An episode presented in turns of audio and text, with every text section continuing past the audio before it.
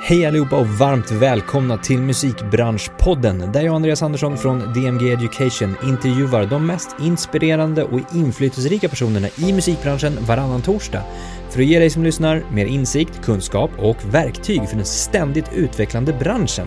Dagens gäst är Eva Karman Reinhold som har lång erfarenhet inom musikbranschen och även olika delar av branschen. Hon är utbildad jurist som också driver eget musikbolag och nu sitter med som ordförande i organisationen SOM, Svenska Oberoende Musikproducenter. Vi pratar om att göra saker som är roliga i sin karriär. Vi reder även ut några begrepp, några vanliga frågor kring upphovsrätt och pratar även om årets manifestgala. Häng med och lär dig mer om vanliga frågor kring upphovsrätt och rättigheter, organisationen SOM och inspireras av Evas arbete. Eva Karman Reinhold, Hej Andreas! varmt välkommen till Musikbranschpodden. Tack så mycket! Mår du bra?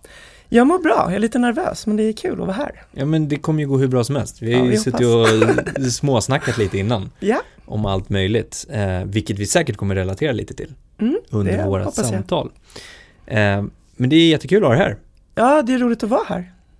Känner mig lite hes idag men eh, pepp inför allt som händer. Ja, det blir en bra eh, poddröst ändå. Jag tror att det Ja, går jag igenom bra liksom. Lite smoke rings. Ja, exakt. du är ju musikjurist, Ja, driver eget bolag mm, eh, och sitter sen relativt nyligen som ny ordförande för SOM. precis. Sen Svensk- maj förra året. Ja, precis. Så det är inte ens ett år. Nej. Svenska oberoende musikproducenter. Mm. Och det, vi kommer in på det, vad det är för någonting. Ja. Ehm, vill man redan nu så kan man ju googla. Ja, exakt. Pausa, googla. Som.se. Exakt, exakt. Ehm, och vi kommer in på alla möjliga olika delar av din karriär och vad vi gör för någonting. Manifestgalan ska vi prata om. Manifestdagen. Den är fredag den 14 februari. Ja, alla hjärtans dag. Mm, alla indiehjärtans dag. Alla indiehjärtans dag. Snyggt. Det blir massa kärlek där kan jag tänka Ja, mig. det är ju det. Det är därför vi håller på, för kärleken till musik. Ja, bra. Det är det slogan nästan. Nej, vi hamnar på det där datumet och bara, vad ska vi göra av det här? Och då, ja, nej men det, nej, men det är faktiskt, och det är sant också. Ja. Då blir det enklare. Men hur väljer man ett datum för det? Är det bara så här, uh, kolla vad som är ledigt så att det inte krockar med grejer? Lite. Nu är vi ju på Nalen som vi har varit på ett par år och Mm. det ska bli kul att vara där. Det är en jättefin lokal. Eh, och då måste man ju koordinera dels när vi har tid att göra det och när de har tid att ta emot oss. Härligt. Mm. Men jag tänkte så här, vi ska inleda med, med något som är ganska högt, eh, högt aktuellt. Okej? Eller högst aktuellt. Eh, det här med streamingfusket Ah, som är ganska på tapeten nu. Och om du liksom går in i lite i din roll som musikjurist mm, så representerar ju du olika klienter kan man ju säga. precis. Ehm, vad, vad känner du liksom som, som representant för de här klienterna kring de här ämnena? Eller kring det här ämnet? Kan ju börja med att säga att de, mina klienter är oftast kreatörer, låtskrivare, artister, producenter eller um, mindre bolag. Kanske managers eller independentbolag och så. Um, jag tänker väl att det kommer alltid finnas någon, alltså historiskt sett har det alltid funnits någon form av piracy eller extraordinära insatser för att främja sin egen verksamhet utöver PR så att säga. Och, och, och streaming är ju, det är ju en ny verklighet. Och när man, jag tror också att man buntar ihop det där illegala streamingen i massa olika saker.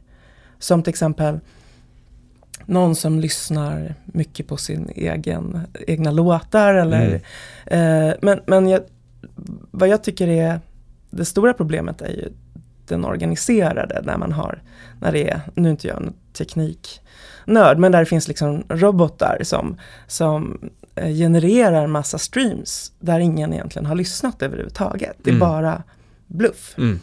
Ehm, och jag tänker att jag förstår kanske eh, varför en gör det som artist eller kreatör.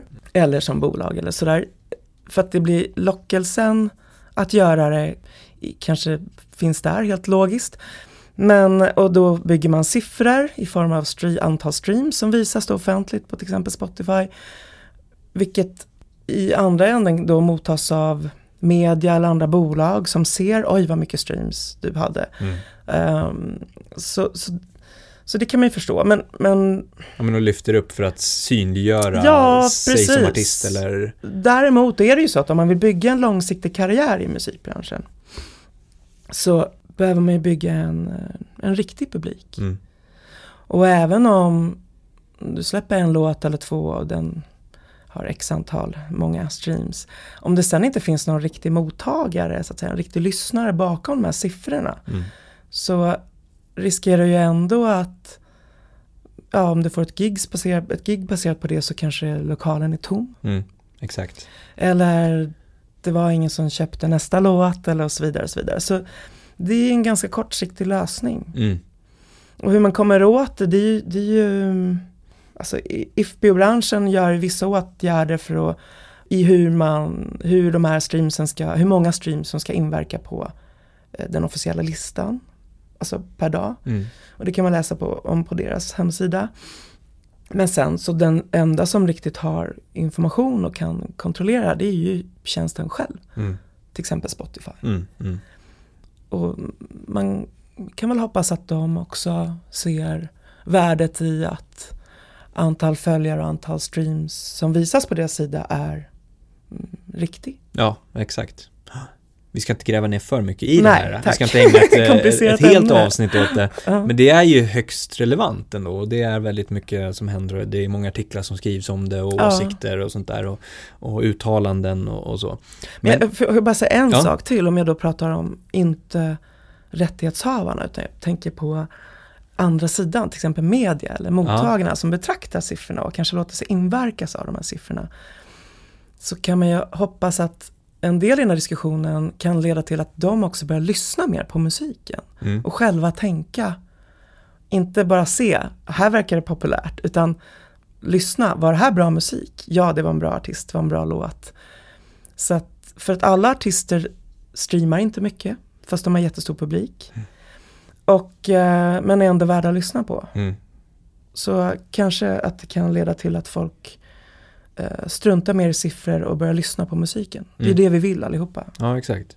Jag tror det var Petter som sa när han var med i podden här, en bra låt är en bra låt är en bra låt. Ja, Punkt.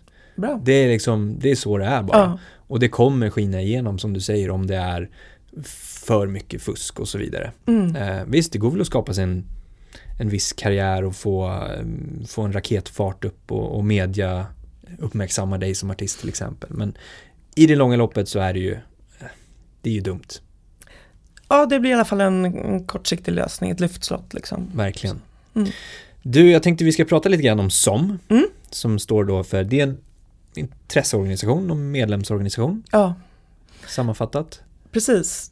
Branschen är full av förkortningar och som står ju då för Svenska oberoende musikproducenter.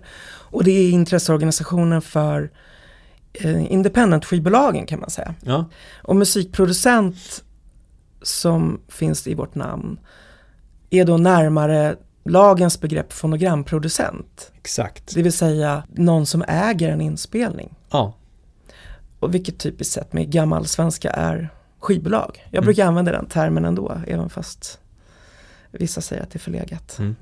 Ja, vi, det, det är lätt att förklara. Eh, Mm. Vi förklarar oftast med musikbolag, men musikbolag kan buntas ihop och vara flera olika grenar och sådär till exempel.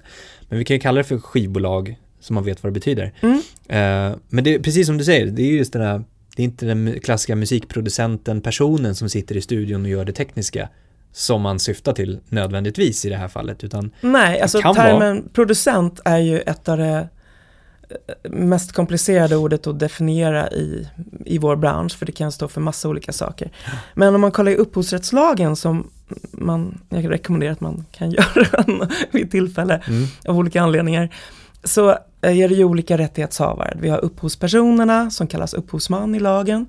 Vi har utövande konstnärer som är artister och musiker. Vi kan vara skådespelare också men inom musik så pratar vi om artister och musiker. Och sen är det fonogramproducenten som då är den som äger inspelningen. mm, Vilket är skivbolaget. Men ehm, och, alltså som representerar ju dels stora independent skivbolag. Och independent är alltså i- icke multinationellt. Det vill säga Mm. man är inte Warner, Sony eller Universal utan man eh, äger sitt eget, eget bolag och um, kan vara mm, ja, stor eller liten. Men de största av våra medlemmar är, i Sverige är ju Playground, Border, Kobalt. Och sen har vi ju också um, DIY-artister. Artistdrivna bolag som släpper och de kanske är producenter själva också. Mm. Alltså musikproducenter. Mm. Precis. Klassiskt sett, har man inte sagt så här att, att eh, eh, den som äger inspelningen är den som har betalat för inspelningen? Mm. Väldigt sammanfattat. Det behöver inte nödvändigtvis vara så. Nej, det men, behöver men, inte vara det, men det är en, man kan börja en grundhypotes. I I att den som har betalat för inspelningen är den som äger den. Ja, men exakt. Mm. Har ni sett någon slags trend i det här med jag, jag tycker man har pratat om säkert i 15 år om att ja, vi ser att fler och fler artister eh, startar eget bolag och eget skivbolag för att man kan göra det på egen hand. Mm. Eh, och den termen, eller den, den liksom sägelsen, den bara är utan att man backar upp det med faktiska siffror eller faktiska eh, fakta på något sätt. Mm. Men har ni, vet ni, har ni sett någon sån trend liksom i att det faktiskt har varit så? Ehm, kort svar, ja, jag vill påstå att det finns grund för det påståendet. Eh, och det är ju, alltså en, en, nu har jag jobbat i branschen i snart 30 år. Och när jag började då var det liksom skivbolagen som hade monopol på att kunna spela in. Då var Mm. det så ganska otillgängligt att ehm, få tillgång till en studio och spela in och ge ut sin musik. Mm. Nu har det förändrats, vilket är bra. Det är närmare för alla musikskapare att själva kontroll över sin, sitt skapande och kunna ge ut det själv. En annan anledning är ju också att branschen, musikbranschen decimerades, eller alltså sjönk med kanske inte, 40% under download-tiden. Mm, mm. Vilket, och, och då ska man komma ihåg att uh, förr i tiden så var det typiskt sett skivbolagen som stod för investeringen i musikproduktioner. Exakt. Man gick till ett skivbolag och de kunde hjälpa en med att betala för att spela in, för det var dyrt. Mm. Och nu när ekonomin i musikbranschen uh, sjönk väldigt mycket under um, framförallt Pirate Bay-eran så uh, alltså tekniken gjorde dels att ekonomin i branschen rasade men den kom ju också med nya möjligheter för kreatörerna. Mm. Och idag är vi väl i ett läge där intäkterna för när man säljer inspelningar har ju också förändrats. För att när man sålde det i fysisk format så visste man ungefär att en CD-skiva, ett album kanske kostade 100 kronor till en butik. Och så eh, kunde man räkna på tusen sålda så var det ju eh, 100 000 i intäkter och så vidare. Idag intäkterna från en stream är mycket, mycket, mycket mindre. Så sammanfattningsvis kan man säga att investeringsansvaret typiskt sett har flyttats till kreatörsledet. Mm.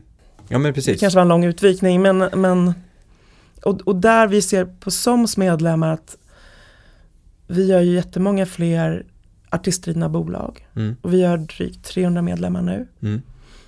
Det finns färre stora independent skivbolag i mellanskiktet. Det finns ju no de stora jag nämnde.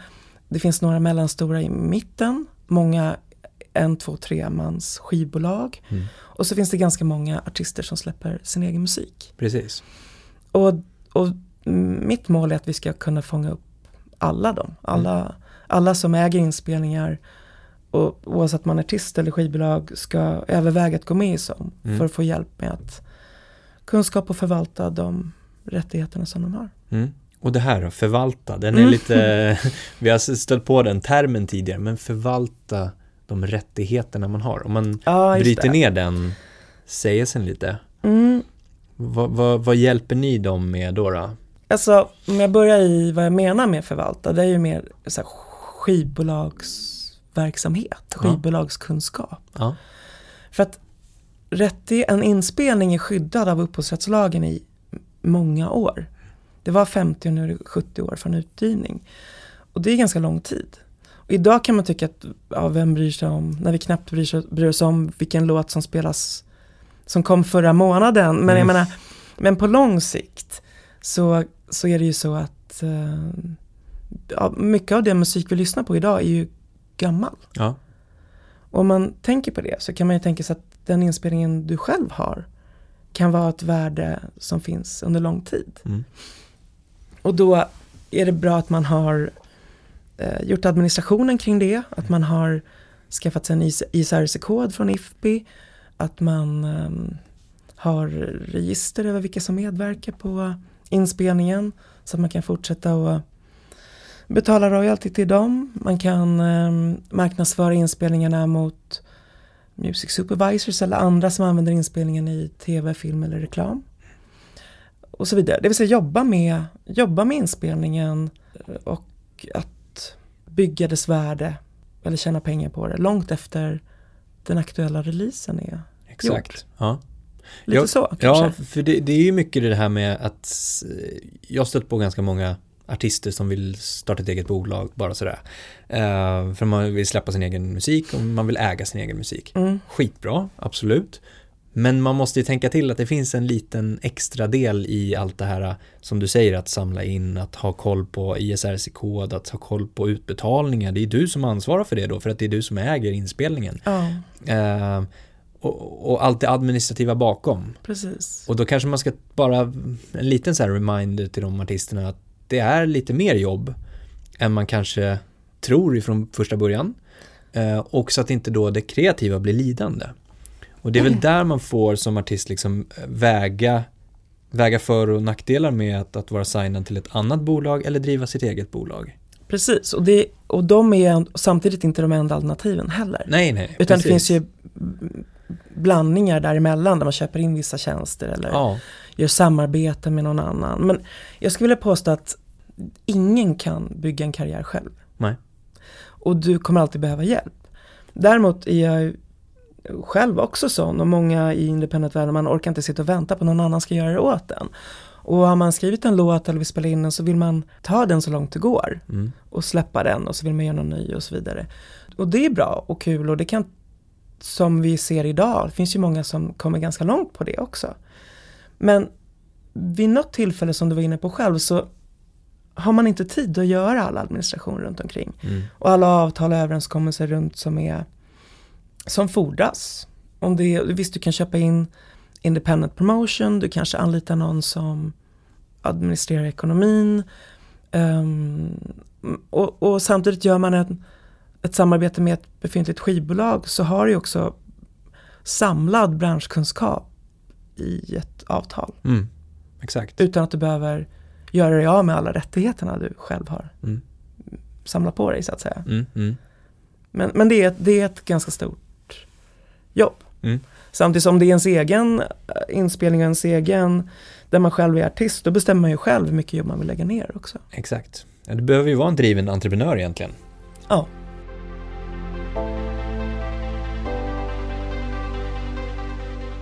Men som sagt, du är ju ordförande nu då. mm. Och eh, hur har liksom den här tiden från, eh, från maj till nu varit? Hur har eh, ordförandeskapet varit?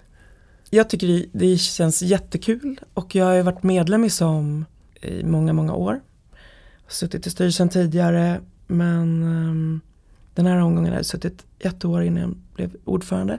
Och det är ganska många olika delar. Vi är få personer, vi har Mats Hammerman som jobbar på kansliet och så är det jag som är arbetande ordförande. Mm. Då gör vi lite olika saker. Mats sköter administration och mycket daglig kontakt med medlemmar och sådär. Och så har vi vissa projekt som vi gör varje år. Manifestgalan är det största utåtriktade evenemanget. Ehm, och det är ett musikpris där vi lyfter fram inspelningar som är utgivna på independentbolag, inklusive artistdrivna bolag, i 20 kategorier Mm, plus ett hederspris. just det. Så, och så arrangerar vi också manifestdagen som är en serie seminarier. Och det här är ett ganska stort arbete, framförallt när man är få personer. Så det har ju upptagit ganska mycket av vår tid.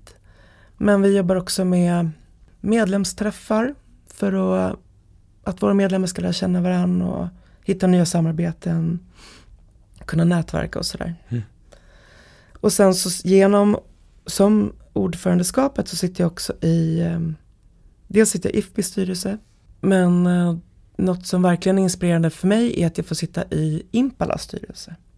Och Impala är en europeisk branschorganisation för independent skivbolag. Vilket gör att um, man får träffa andra motsvarande som ordförande från massa olika länder, så här, trade associations. Men också representanter från stora independent skivbolag som har ibland jättestora artister och eh, stora organisationer. Och då blir det, man känner att, man, att vi är alla ett del av ett stort nätverk av independents, likasinnade oavsett genre, i det att vi gillar kontroll över vår egen verksamhet. Mm. Och det finns över hela världen. Och Impala här då som du mm. nämner, vad, eh, hur, vad är det för slags frågor som lyfts där? Är det liknande som ni lyfter i SOM? Ja, Impala har kontor i Bryssel. Mm. Och nu, vi har ju, och de gör ju ett jättestort arbete i eh, alltså lobbyverksamhet och, och, och, information om hur musikbranschen fungerar, vad upphovsrätten betyder för alla aktörer inom musikbranschen, mm. både skapare och bolag. För att utbilda politikerna som då ska be fatta beslut om sånt här. Precis. Och copyright-direktivet, där har det ju också varit då vissa frågor som berör stora kommersiella aktörer med väldigt ja, starka resurser i, för att driva sina frågor. Så där är Impala jätteviktiga för att lyfta fram och ge en balans i den diskussionen. Mm. Och vi är ju jätteglada att copyright-direktivet är genomröstat. Så nu jobbar vi med att fortsätta ge politikerna vår bild av vad effekten av de bestämmelserna de gör, de diskuterar då, får för de aktörerna vi representerar. Exakt. Det här med, om vi går tillbaka till SOM bara. Um, vilka är, när du pratar med andra personer, vilka är de vanligaste missuppfattningarna kring organisationen SOM? Uh, jag vet inte. Allt är glasklart. Nej. Allt är glasklart för uh, alla. Nej, jag vet inte. Du kanske kan hjälpa mig. Men jag tänker så här, ja men det... Jag, jag själv har inte stött på någon, någon liksom missuppfattning så, men jag tänker mig om, om folk ser det som eh, någon statlig organisation eller um, ett insamlande organ som, som tar en del av upphovsrättspengarna eller ah, okay. um, ehm, alltså om, om man um, som utomstående inte riktigt vet vad det betyder. Eller? Jag tror att en missuppfattning kan vara att Alltså till följd av vårt namn, Svenska oberoende musikproducenter. Ja. Att man tror att det är en alltså, musikproducentförening. Typ att man sitter i en studio och skapar ja, lite som vi var inne på förut. Som vi var inne på förut. Ja. Så kan det vara. Um, men jag vet inte riktigt, det ser, jag ser inte riktigt som ett problem för det kan man snabbt reda ut. Mm. En, ett annat um, missuppfattning är att det bara finns en organisation för skivbolag och att det skulle vara IFPI. Mm. För så är det ju inte. Nej. Så vi kanske är dåliga på att marknadsföra oss, eller har varit. Som är ju en helt central branschorganisation för independent skivbolagen. Och när man startade som 1974 då gjorde ju, ju det i en helt annan tid. Där tillgången, man distribuerar musik i fysiska format. Och de som hade resurserna och kontrollen över distributionen var typiskt sett de större bolagen. Som startades ju som en motreaktion och en um, i syfte att ta kontroll över sin egen distribution. Mm. Och man byggde också ett eget distributionsnätverk för fysiska skivor. Sen har ju ja, tiden utvecklats och um, andra behov kommer upp. Mm. Men, men, kanske också att man att folk inte vet att vi är avsändare av manifestgalan. Mm, nej, exakt. Att vi är, och att det musikpriset är ju öppet att nominera till för alla, inte bara som bolag. vilken artist som helst som släpper på sin egen label eller vilket independentbolag som helst um, som vill nominera skivor till Manifestgalan är välkomna att göra det. Mm. Och så är det en jury som bestämmer vilka som ska få pris sen. Mm. Mm. När vi ändå är inne på en manifest då. Mm. Eh, du nämnde det en hel dag Mm. med lite olika seminarier och workshops. Eh, eh, och sen gala med 20 pris, Ja, 21 21 totalt. stycken, ja. med hederspriset. Ja. Mm. Eh, va, varför är den här dagen viktig? Den är viktig för att eh, de 20 kategorier som vi lyfter får inte utrymme på de andra galorna. Nej. Och vi vill också uppmärksamma all den musik som, som ges ut av oberoende aktörer. Och att det är många genrer som heller inte har några andra fönster, varken i radio eller tv, ehm, som här lyfts fram, premieras och ja, får utrymme. Mm. Och sen, jag tror också att man ska inte heller underskatta den identitetsbyggande effekten som det är att samla alla independent-aktörer i ett rum och bara prata om vår musik. Mm. Även om vi kan göra allt från, det kan vara seri- alltså klassisk musik eller moderna tonsättares musik eller metal. Ehm, vi har en kategori för folk och en kategori för visa, vilket typiskt sett buntas ihop. Och också en kategori för singer-songwriter. Mm. Så för oss, och det är ju också i syfte att spegla ja, nyanserna i de olika musikgenrerna som vi vet finns. Och också för att lyfta fram då um, genrer där vi har många utgivningar. Mm. Sen har vi också, i år lyfter vi särskilt fram barnkategorin. Okej. Mm. Vilket är, um, det görs jättemycket fin barnmusik för, ja, för alla åldersgrupper. Men den kategorin får inte alltid utrymme på, i andra sammanhang. Exakt.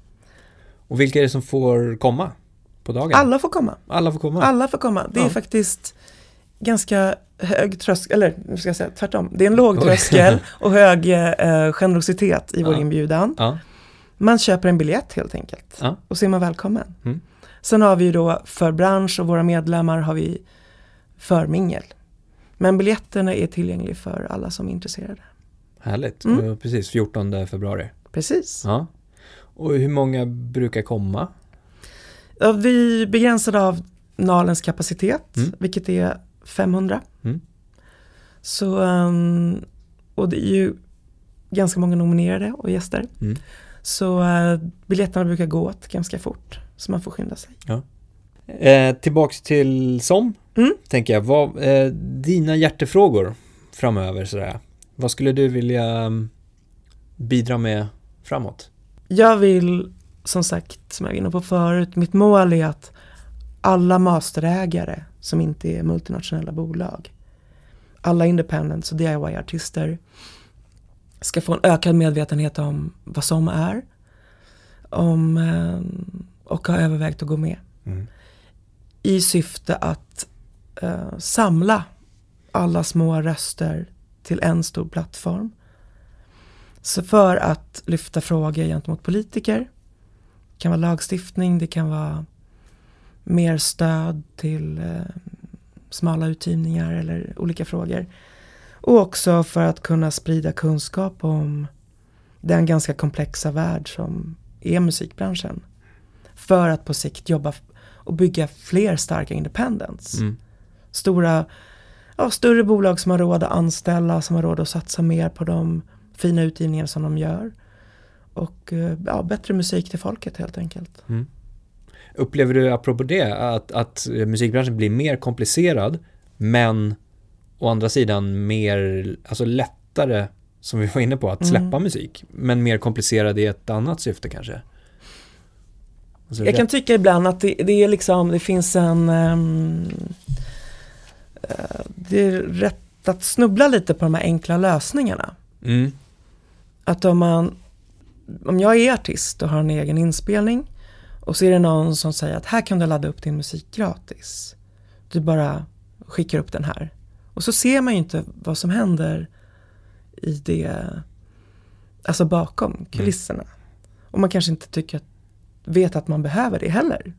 Men, men bakom där så är det ju någon slags distributionsavtal som man har gjort där någon ska förmedla ens inspelning till x antal tjänster.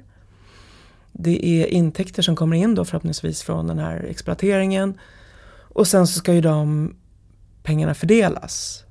Um, och om ingen tar betalt för den tjänsten, då kan man fråga sig vad är det man får för de gratis tjänsterna så att säga. Mm. Jämfört med, jag menar, om, om jag går till dig och du säger att du tar 15-20% för att distribuera mina tjänster, då kommer jag fråga vad är det du gör för, för de här pengarna som jag betalar dig. Just det. Och vi kanske kommer ha ett eh, tydligare samtal om vad du ska göra, kommer du bidra med PR, mm. det blir tydligare att se alla de här delmomenten som finns i, i utgivning av musik. Mm.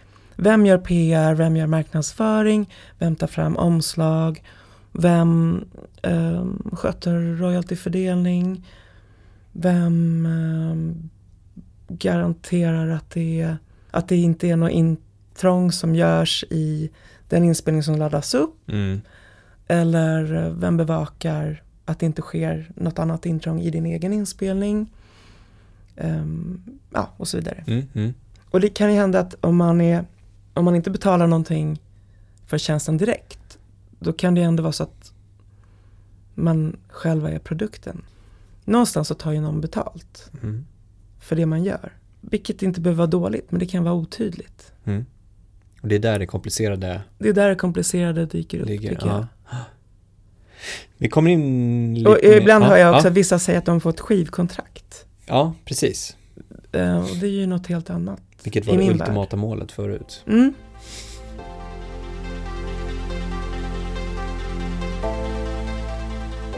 Juridik som ämne, mm.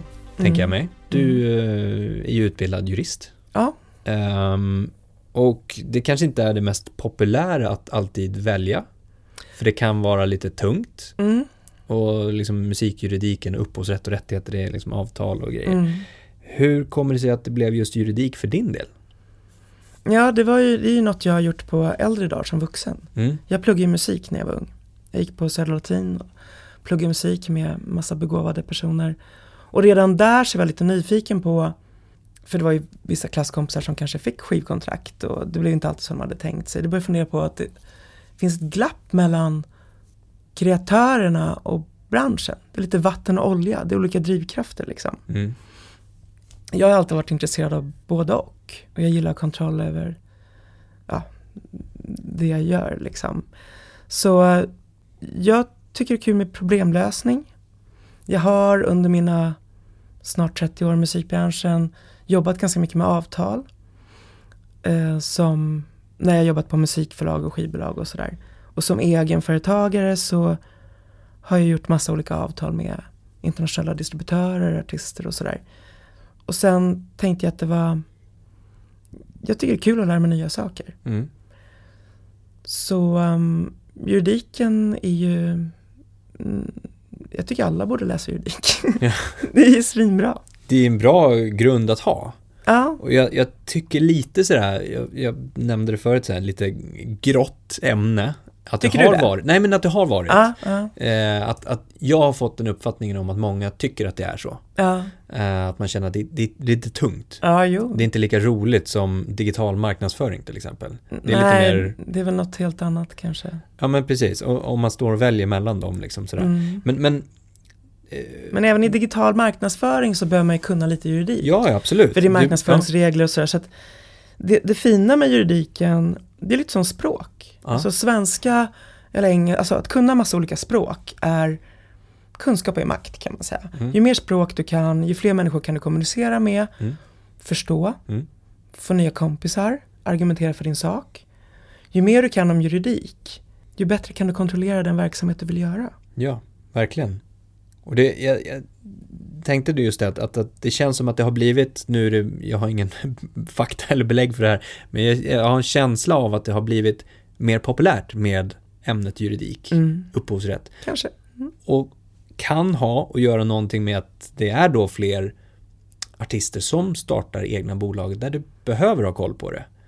Och att det blir lite mer, det känns som att det medialt sett har bubblat upp mer och mer kring just ämnena upphovsrätt och rättigheter när det, allt det här upphovsrättsdirektivet händer och med plattformar och man ska ha koll och det, det är faktiskt därifrån du tjänar pengar. Ja. Och att det har blivit lite mer populärt och att man då vill ha kunskap om det. ja, jag hoppas att det är så. Ja. Jag tror också, det finns ju också mycket fler utbildningar. Mm. ehm, där människor kan på, på flera olika nivåer lära, sig- lära sig lite grundläggande saker och vilket kanske väcker en nyfikenhet hos fler att också lära sig mer. Mm.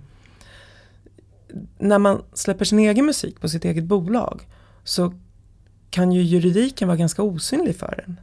Med undantag att man kanske skriver låtar själv och då går man med i STIM och verkanmäler sina låtar och så kommer STIM-pengarna ganska automatiskt.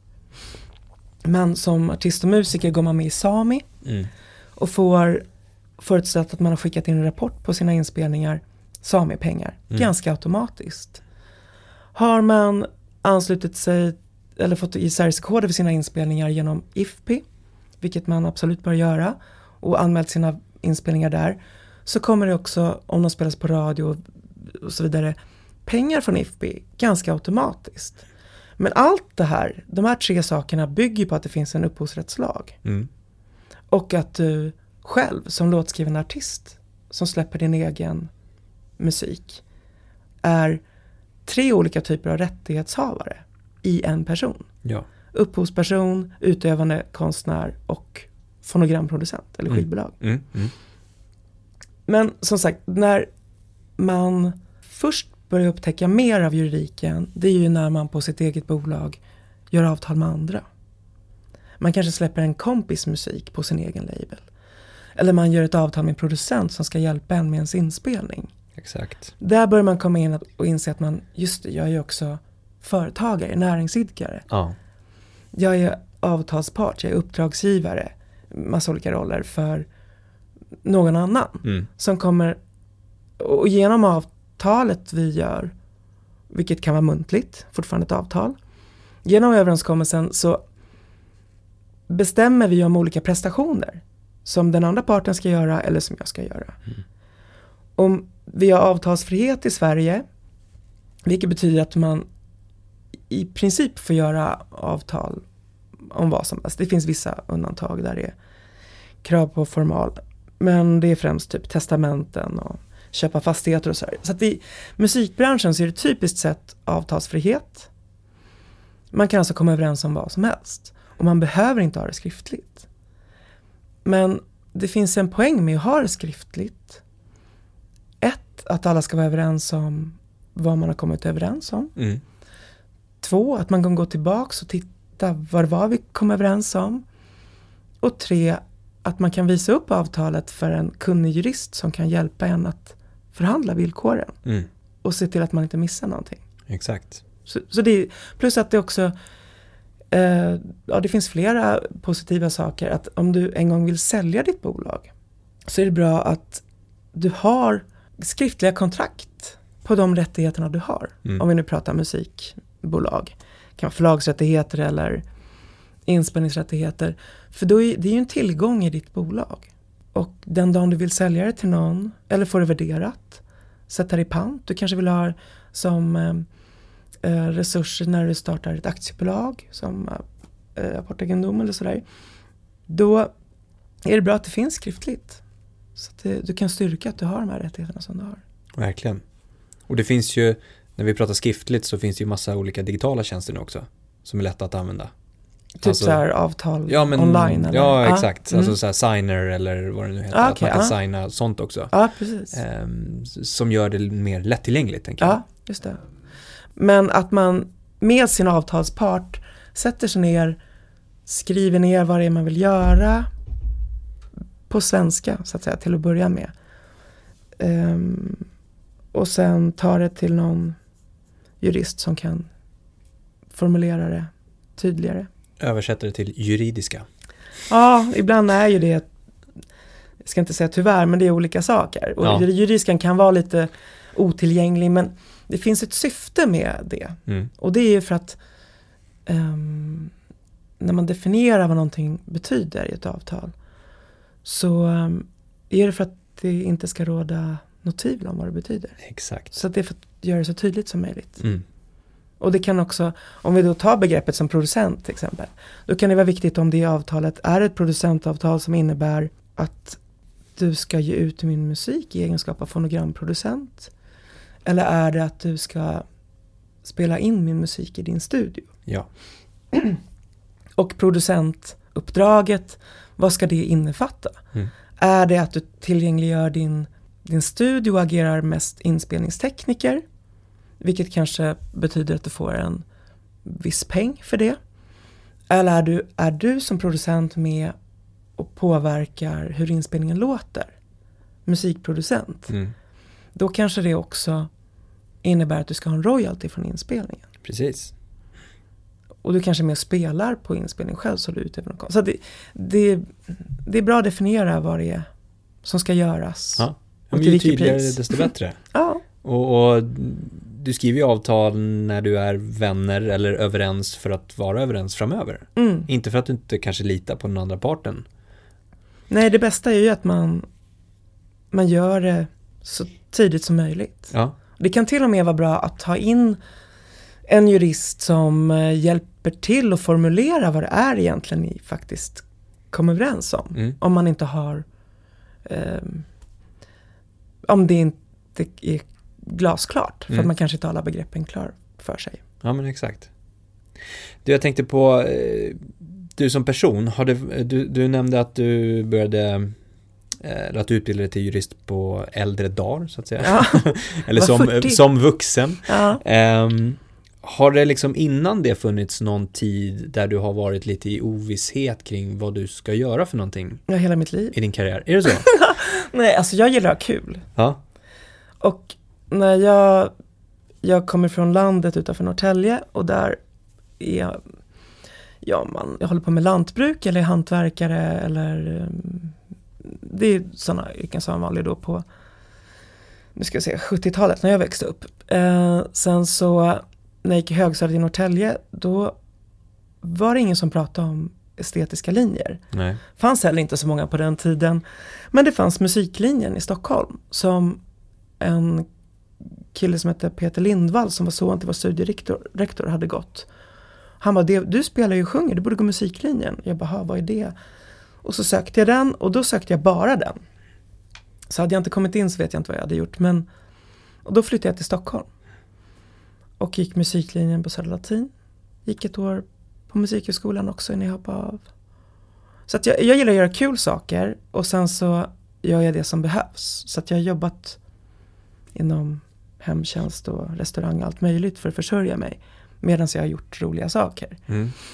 Och sen hade jag tur att få kunna jobba. Jag började på STIM när jag var 20. Efter det jobbade jag på MNV som startade upp sitt musikförlag.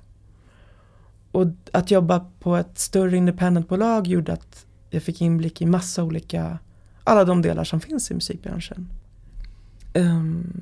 Och jag tycker det är kul att jobba nära musiken. Och det gör man ju om man jobbar med det som kallas A&R. Vilket man kan göra även på musikförlag. Det vill Exakt. säga att man upptäcker, ja, man signar nya låtskrivande artister eller nya låtskrivare. Så jag har fått göra massa olika saker, Mm. vilket är kul. Sen så är det ju när man driver eget och startar eget skivbolag så är det oftast, det är ofta förknippat med en massa kostnader också. Och när jag startade skivbolag 2004, när jag betalade själv för inspelningar så att säga, då var ju samtidigt som hela branschen dök. Mm. Så även om jag bygger upp ett distributionsnät med 15 länder, kanske i Europa, där jag sålde de rockplattorna som jag jobbade med då, så eh, räckte det liksom inte riktigt till att kunna leva på. Så då tänkte jag, gud vad är det jag tycker är kul med branschen? Ja, jag tycker det är kul att eh, lösa problem och sätta ihop folk.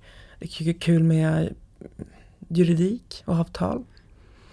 Jag kanske ska fortbilda mig till jurist. Så då slutade jag ge ut musik. tog en paus och gick en YH-utbildning faktiskt på Polmans först till paralegal.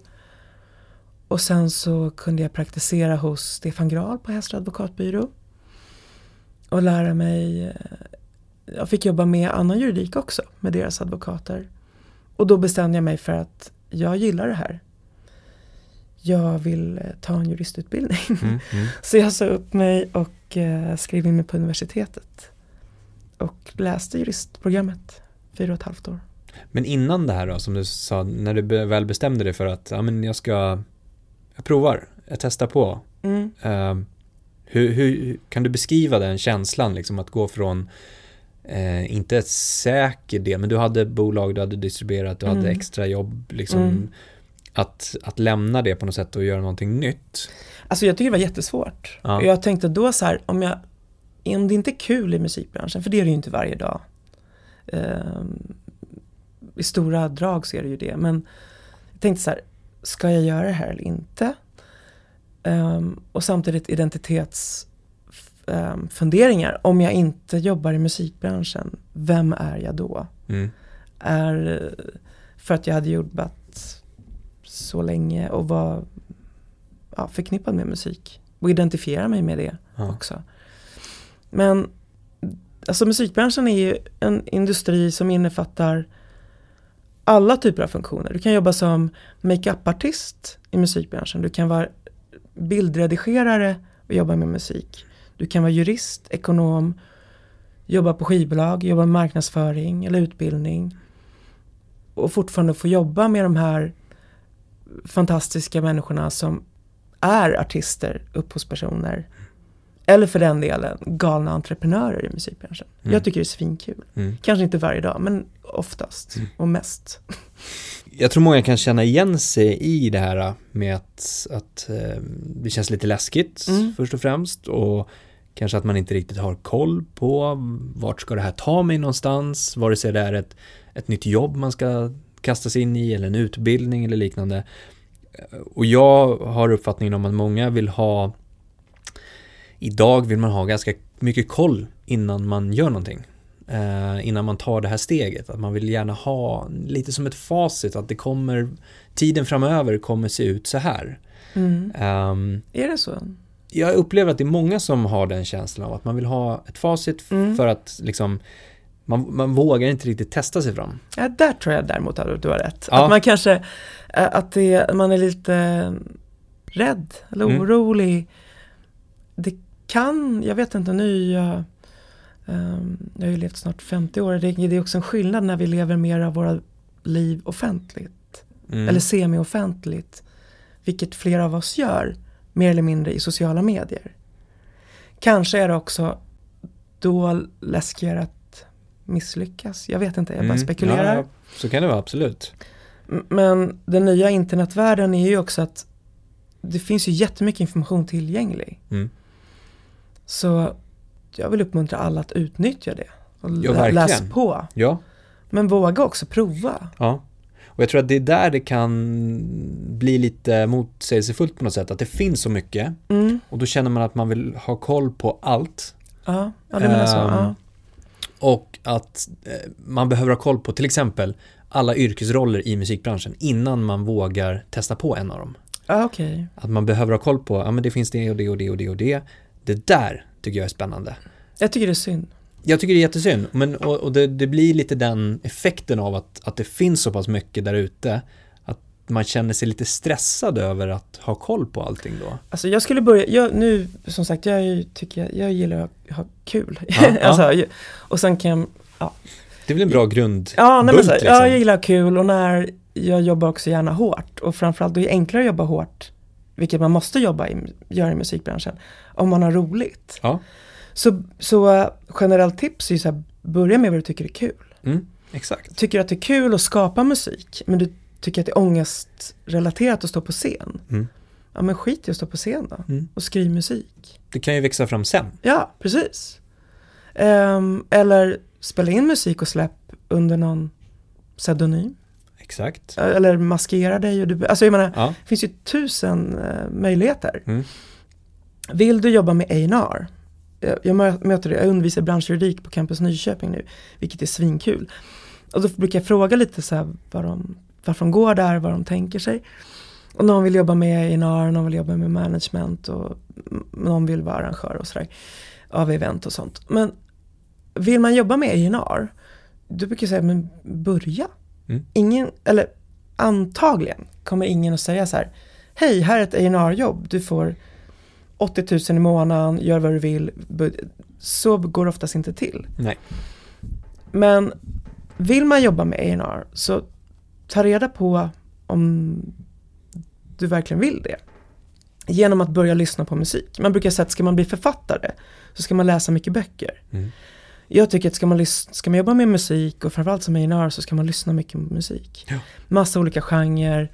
Lyssna aktivt. Mm. Varför gillar jag det här? Varför gillar jag inte det här? Vad är det som är bra? Vad är det som är dåligt? Jaha, jag gillar inte genren men är prestationen bra? Ja, någon sjunger bra eller det var en bra låt. Mm. Alltså så här, mm, för dig själv. Det här kan du göra hemma på rummet eller online eller var som helst. Exakt. Se mycket band live. Mm. Ja, och sen kontakta. Det finns ju tusen människor som ger ut sin musik. Mm.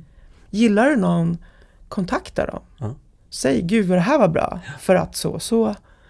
Eh, jag känner någon där, eller kan jag hjälpa dig att skaffa, skaffa ett gig? Alltså börja helt enkelt. Ja. Ett superbra tips som jag har gett till ganska Mm. många, det är att till exempel gå in på SOMs hemsida, Mm. eller IFPIs hemsida, Mm. eller Svensk Lives hemsida, Mm. organisationens hemsida, Mm. som oftast har medlemmarna eh, uppstrukturerade Precis. i en lista. Mm. Gör din research. Det kanske inte står kontaktperson till varje företag, men du kan hitta det Ja. om du gräver lite. Exakt. Men du får ju jättemycket serverat bara där. 300 stycken eh, alltså företag Precis. som ger ut musik. Ja. Och börja där och som du säger att, att, att ehm, göra research och se vilka olika sorters musikgenrer ger de ut. Vad är jag intresserad av? Det här är ju superspännande. Wow! Eh, kontakta personerna i fråga, ta en fika och säg det här med den här releasen gjorde ni helt fantastiskt i och Mm. med att ni gjorde det och det och det och det. Alltså om någon kommer och säger så till, om jag skulle vara Ja. eh, bolag och någon hyllar mig för det, ja. Någonting specifikt, inte bara att wow, du är så duktig som gör musik. Eller Nej men alla är ju mottagliga för positiv kritik. Ja, och så gör man, ja, ja men och så gör man lite, lite djupare också. Ja. Att så här, men det där, eh, det där släppet med den artisten på Mm. det sättet gjorde ni fantastiskt bra. Kan jag få komma och bara iaktta hur ni jobbar? Precis. Eller, jag har den här artisten. Ja. Jag funderar på det här upplägget. Har ni tid att ta ett möte? Ja.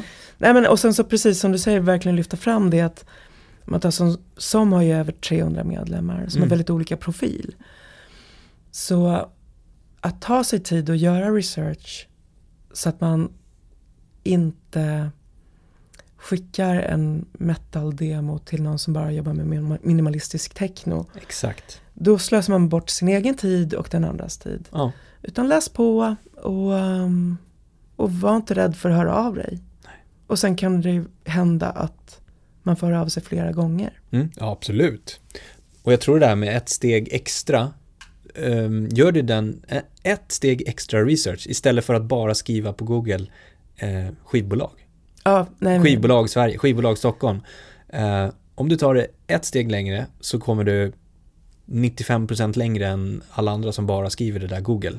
Jag kan ju berätta vad jag gjorde när jag skulle, när jag startade skivbolag så hade jag ju på min label då bara en platta först. Ja, Och det var med ett band som heter Diamond Dogs, då hade de släppt skivor innan.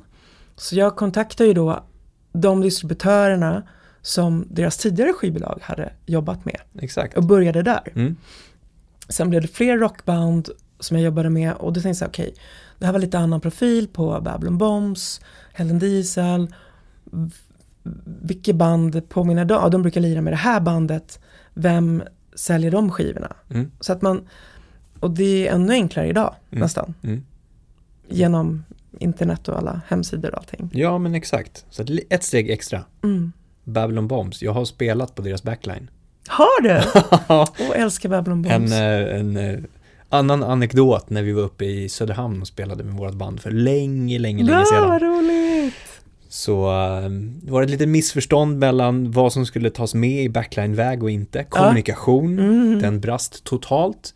Ehm, Det är inte ovanligt heller. Det finns fler exempel. Ja, och då så steppade de in som eh, räddarna i nöden. Så Ja, fint. använde deras backline. Mycket, mycket bra. Ja. Du, jag tänkte upphovsrätt Mm. i det vi har pratat ganska mycket om. Mm. Ehm, och jag, jag stötte ju på ganska mycket frågor från personer, studenter, intressenter, Mm. artister, band. Ehm, jag tänkte jag lyfter några vanliga frågor. Mhm. Eller vi kan prata om lite vanliga frågor sådär, Mm. som jag vet att många funderar på och är osäkra på. Det här med cover, till exempel. Får man spela in, jag till exempel då, om jag vill jag vill eh, spela in en cover Mm. som inte jag har skrivit. En annan person som har skrivit den här låten. Jag vill spela in den och släppa den musiken. Mm. Får jag göra det? Ehm, kort svar, typiskt sett ja. Hela svaret är väl snarare så här att, att om upphovsperson, den som har skrivit text och musik, får genom upphovsrättslagen en ensamrätt till sitt verk. Och det betyder att man mm, ja, har ensamrätt att bestämma om det kan man säga. Sen så eh, gör man genom anslutningsavtal till STIM så får STIM licensiera det Eh, runt om bland de som använder musik. Men det finns också, det är två delar i upphovsrätten. Det är den ekonomiska rätten som man um, gör, som är det man avtalar med. Sen finns det den ideella rätten. Och den kan aldrig överlåtas. Den stannar alltid hos upphovspersonen. Och den är också tvådelad. Det är dels rätten att namnges. När en låt spelas så ska man säga att det var Andreas som skrev den här låten. Uh, och sen är det, den andra delen är att man um, hur ska jag säga, det är ett skydd för att verket ska användas på ett sätt som är kränkande för upphovspersonen. Och det är därför som man behöver tillstånd om man ska göra ändringar i ett verk. Covern, om det är en tolkning av en, en Dylan-låt till exempel. Där man ganska rakt upp och ner sjunger den här låten eller spelar den här låten. Så, och, och låten är redan utgiven då med upphovspersonens samtycke och så. Eh, då fordras typiskt sett inget tillstånd för att spela in en cover. Man eh, rapporterar ju till när man gör mekanisk licensklarering då via NCB. Eh, på fysiska skivor så säger man att jag har spelat in den här låten, det här är upphovspersonen, det här är förlaget och så vidare. Så du som har gjort covern kommer ju äga inspelningen. Den tolkningen du har gjort. Och upphovspersonen kommer fortsatt äga själva verket, själva låten. Om du däremot ändrar i verket, ändrar ackord, ändrar text. Ehm, då fordras tillstånd från upphovspersonen. Och oftast så har upphovspersonen eller låtskrivaren ett musikförlag. Så behöver man tillstånd så kan man kontakta STIM och säga vem har rättigheterna till den här låten. Och då vet de det. Då kan Mm. de säga det. Så kan du kontakta det förlaget och få tillstånd. Mm, Men en straight up cover är oftast okej att göra. precis. Mm. Och den här be- an- ändringar kallas ju ofta bearbetning Precis, av ett verk då, Ja. om man ska släppa det. exakt. Det är då du behöver, Men jag, jag, nu tänker jag ta ett exempel utan Ja. att nämna någon namn. Men jag hade en person som hade gjort en cover som kontaktade mig som jurist. mm, För, för artisten hade um, släppt sin egen musik och hade gjort en tolkning av en jättekänd låt. Och det var en hon och hon sa hej jag har gjort en cover från en känd artist och nu vill Netflix ha med den här låten i ett tv-program. Så det är en synkförfrågan. mm, Jaha, men det kan jag hjälpa dig med, så jag. Det, och sen kom det fram under samtalet att hon hade översatt texten. ah. Och det klassas ju som en bearbetning. då. Ja, absolut. Så i övrigt var det en ganska, vad ska jag säga, lojal tolkning med originalet. Och hon ägde ju inspelningen. Men just eftersom hon hade översatt texten så har hon ju ehm, ja, gjort ett intrång i någon annans upphovsrätt och man behöver tillstånd för att göra den översättningen helt enkelt. Precis. Hur gick det då? Eh, För då, då Nej, då, då eh, kontaktade vi musikförlagen. Eh, Det var en utländsk låt, så vi kontaktade de svenska musikförlagen. som då kontaktar sina systerbolag i England eller USA. Och så försöker man få tillstånd till Mm. texten. Och så. Jag tror att det löser sig. Ja, det är aktuellt just nu.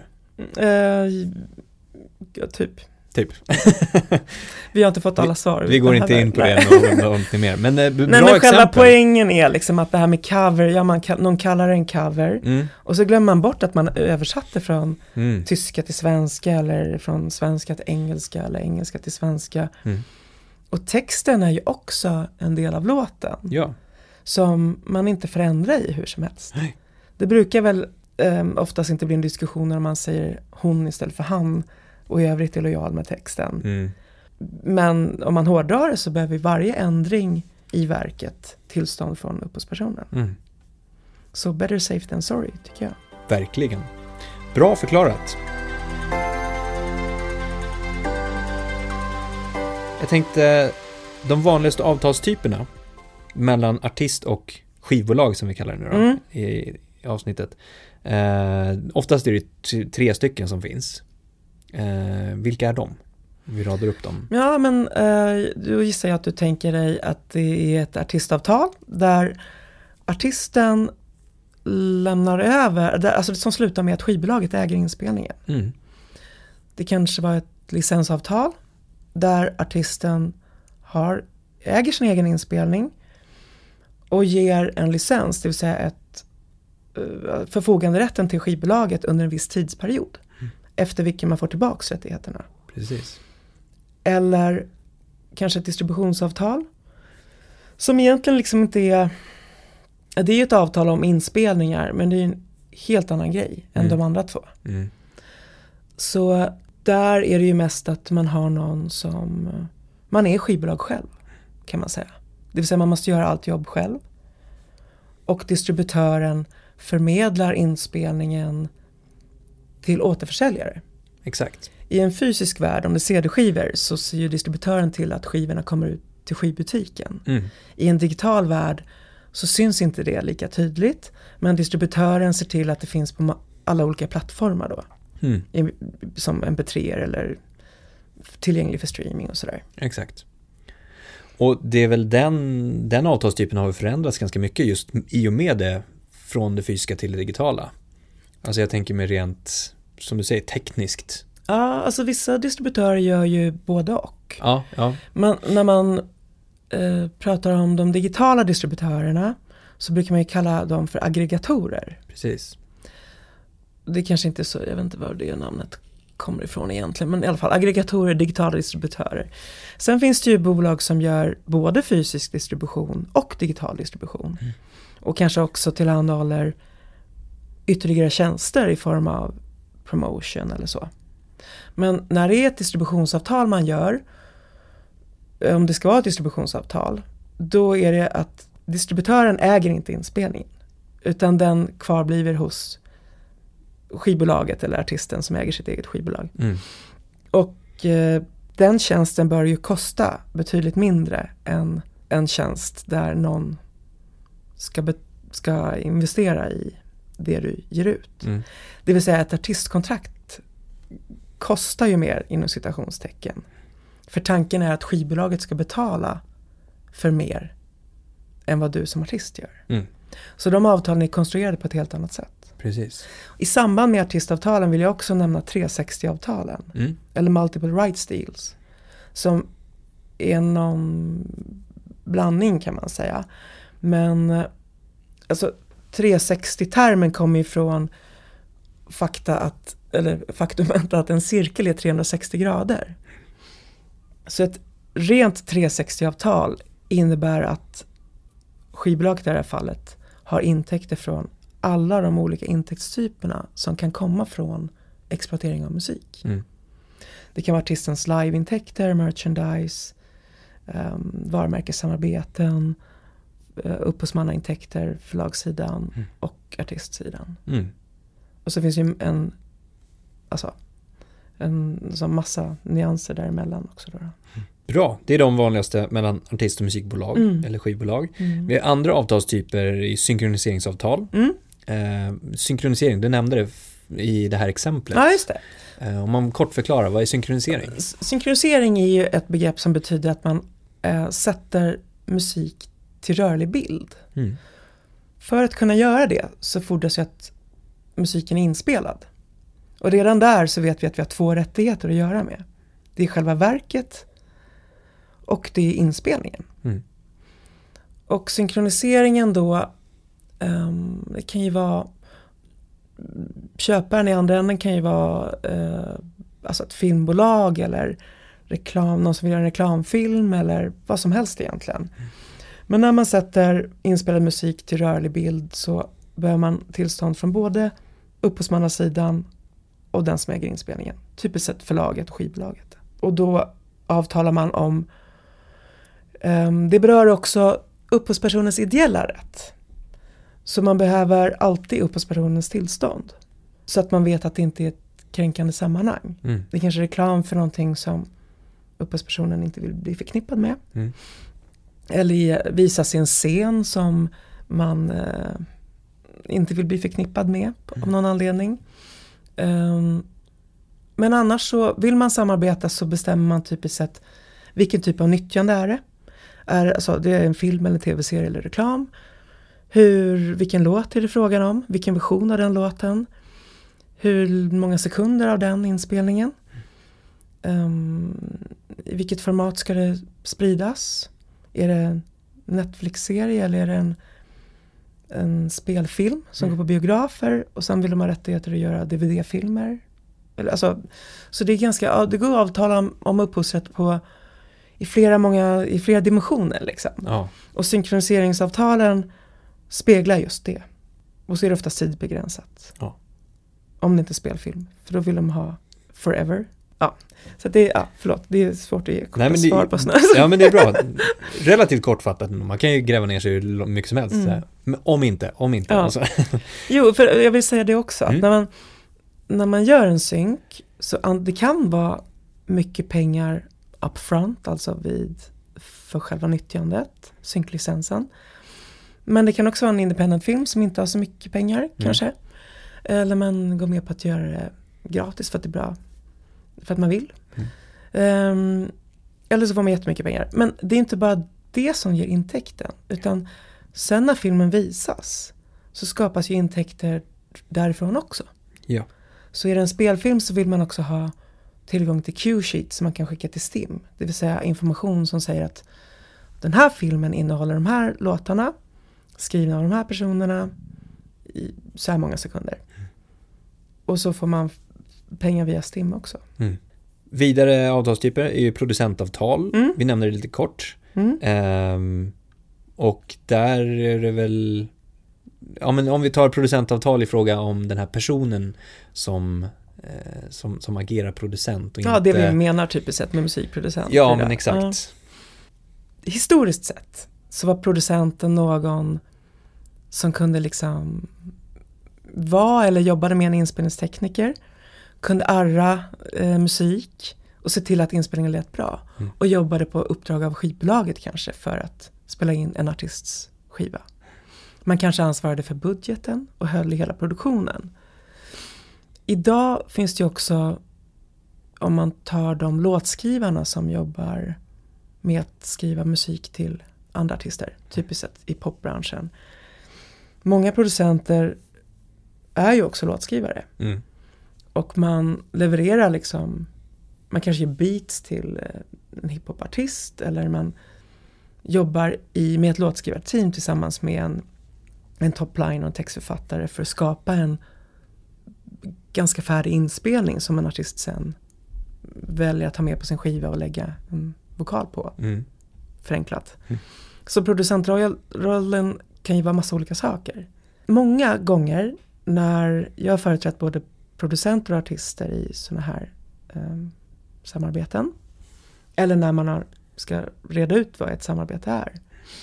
Utmaningen är att när man börjar jobba och göra musik så händer det ofta ganska sömlöst. Alltså man träffar någon nice person som man får någon vibe med kring musiken eller som man har, ehm, ja, vill jobba med av olika anledning. Och så börjar man kanske spela in eller skriva låtar ihop. Mm artisten har i sitt huvud att den ska göra en skiva.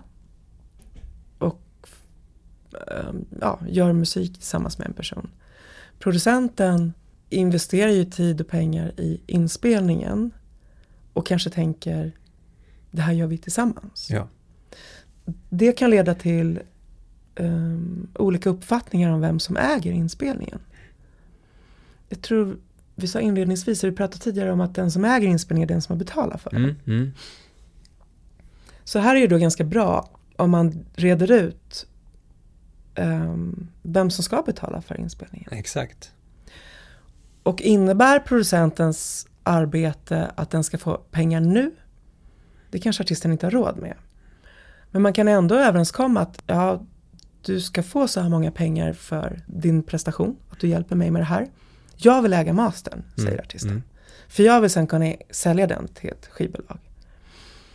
Så om man är transparent med det, då kan ju producenten också säga vad den vill ha betalt. Men det kan också vara så att man bestämmer, okej vi gör det ihop och sen hjälps vi åt att försöka hitta ett skivbolag som ska köpa skivan, eller inspelningen av oss. Exakt. Så att producenten får betalt. Mm. Och producentens betalning kan ju dels, vad det också kan vara i ja, en av flera saker eller alla saker beroende på hur mycket arbete man gör. Det kan vara en, en eh, ett, ett, alltså dels betald för studiotid. Det kan vara ett arvode för producentarbetet. ehm, och eller förenat med en royalty. Mm. Det kan också vara att man får ett royaltyförskott. Där brukar, arvodet brukar inte vara recoupable, inte avräkningsbart. Men arvodet kan innefatta en inspelningsbudget. Så, så det är en variant i producentavtal. Och, och gör det, är det då med mer av eh, samarbete där man ska äga inspelningen ihop. Så bör man ändå kanske prata om de här sakerna. För att artisten och producenten har ju typiskt sett olika roller i förlängningen. Mm. Och artisten kanske skriver ett längre avtal med ett skivbolag. Kommer göra fler skivor, kanske med samma producent. Eller kanske med någon annan. Ja. Eller så bestämmer man att vi ger ut det här ihop, vi startar ett skivbolag. Och då bör man ändå bestämma hur fördelar man intäkterna. Vad är, om du och jag till exempel, du och jag Andreas har, vi, eh, jag är producent och du är artist. Och vi ger ut det på vårt gemensamma skivbolag. Mm. Då bör vi ändå prata om, eh, du som artist, du kommer ju göra andra saker som genererar intäkter. Och jag kommer kanske spela in andra parter och producera andra saker. Så vi börjar, och så har vi det här skivbolaget ihop. Mm. Det är tre olika roller. Ja, Även om vi bara är två personer. precis. Och definiera det i företaget Ja. i fråga då. Precis. Och, och kanske också att vi kanske skriver låtarna ihop. Mm. Eller du skrev låtarna och jag föreslog ändringar. Mm. Mm. Då är det ju upp till dig att bestämma om du vill ha mina inre ändringar eller inte. Ja. Så, så det är, alla kreatörer gör en mängd olika avtal varje dag de jobbar ihop med någon. Ja. Bara för att både belysa en, en sak, jag vill inte röra till det och göra någon rädd, men det är bra att vara medveten om det. Verkligen. Och ganska många saker är så här lätt att lösa. Mm. Låtskrivardelen, vi pratade tidigare om att man inte märker att upphovsrättsförvaltningen sköts genom STIM och Sami, IFPI. Ehm, och, och det är ju bra. Eh, alltså, där, finns, där har man hjälp i sin verksamhet. För har man bestämt att du har skrivit låten och jag har 10% för den här låten för jag ändrade något ord och här har jag 50% för jag gjorde halva texten på den. Eller vad det kan vara. Så anmäler vi det till STIM. Mm. Då blir det en dokumentation av vår överenskommelse. Och sen kommer det, det lilla avtalet då som låten utgör genom verkanmälan att administreras över hela världen. Så fort låten genererar pengar så tillämpas det här avtalet automatiskt och Mm. kommer till våra avräkningar. Ja. Så, så det är ganska fint med de här kollektiva förvaltningssystemen som vi har. Mm.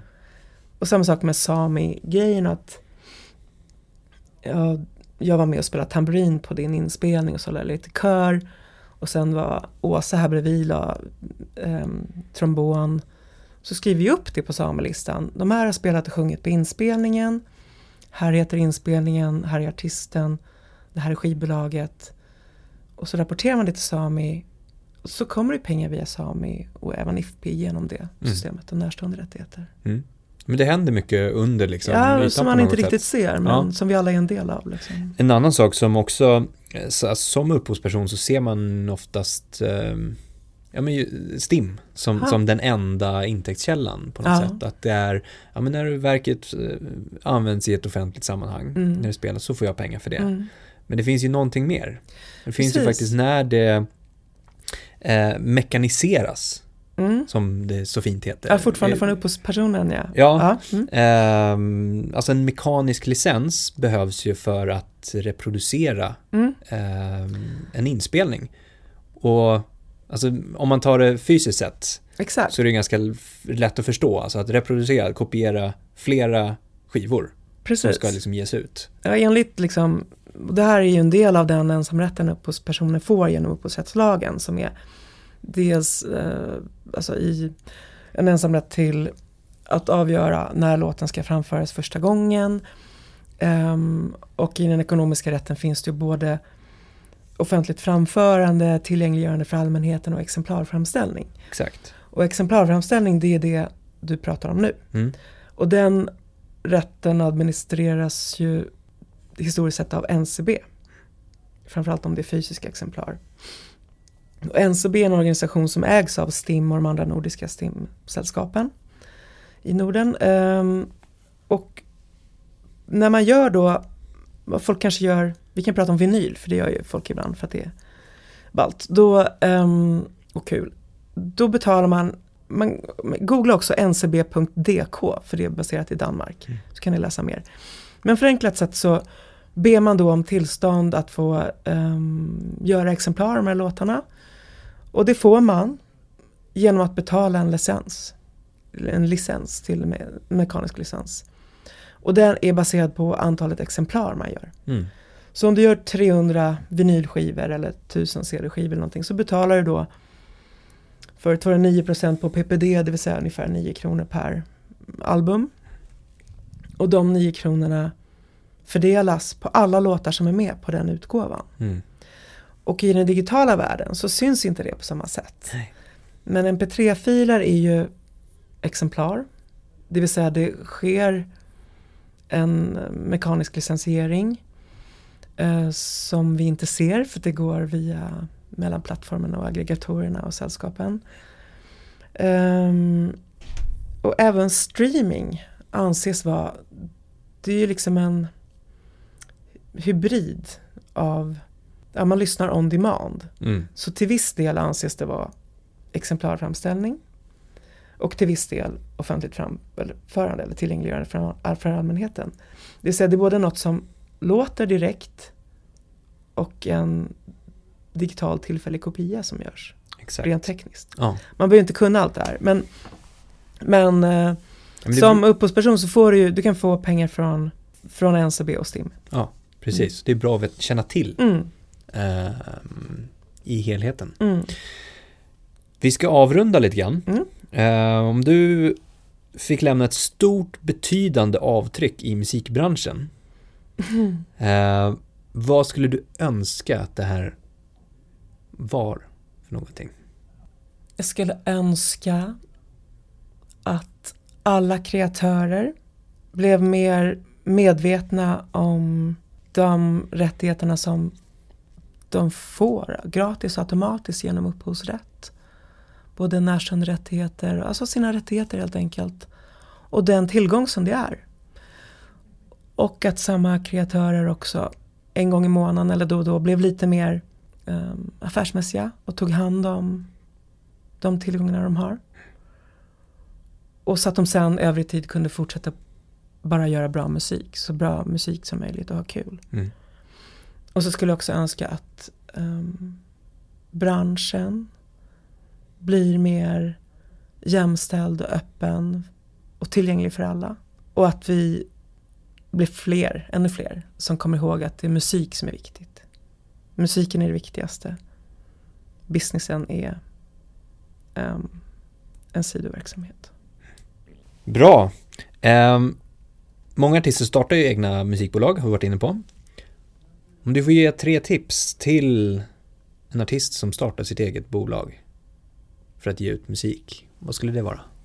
Ehm, ja, lite som ett missionist att, att man vill sprida kunskap och att folk ska bli mer medvetna om sina rättigheter. Så att gå med i alla organisationer för att lära dig.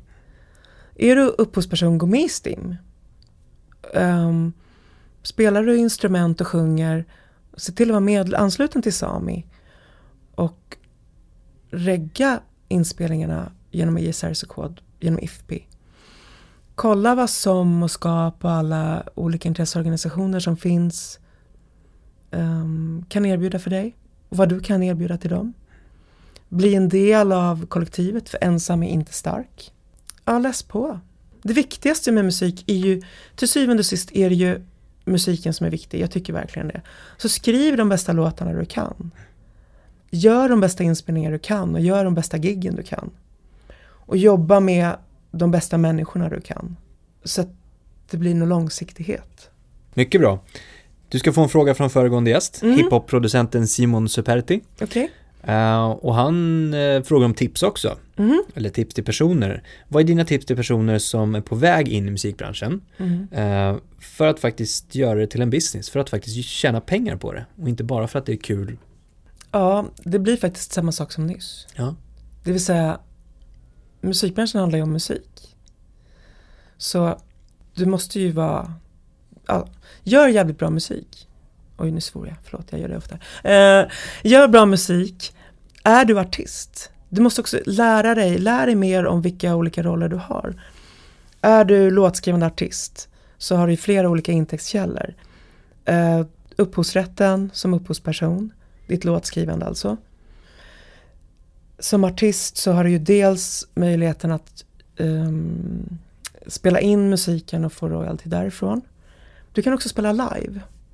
Vilket är en viktig källa till intäkter.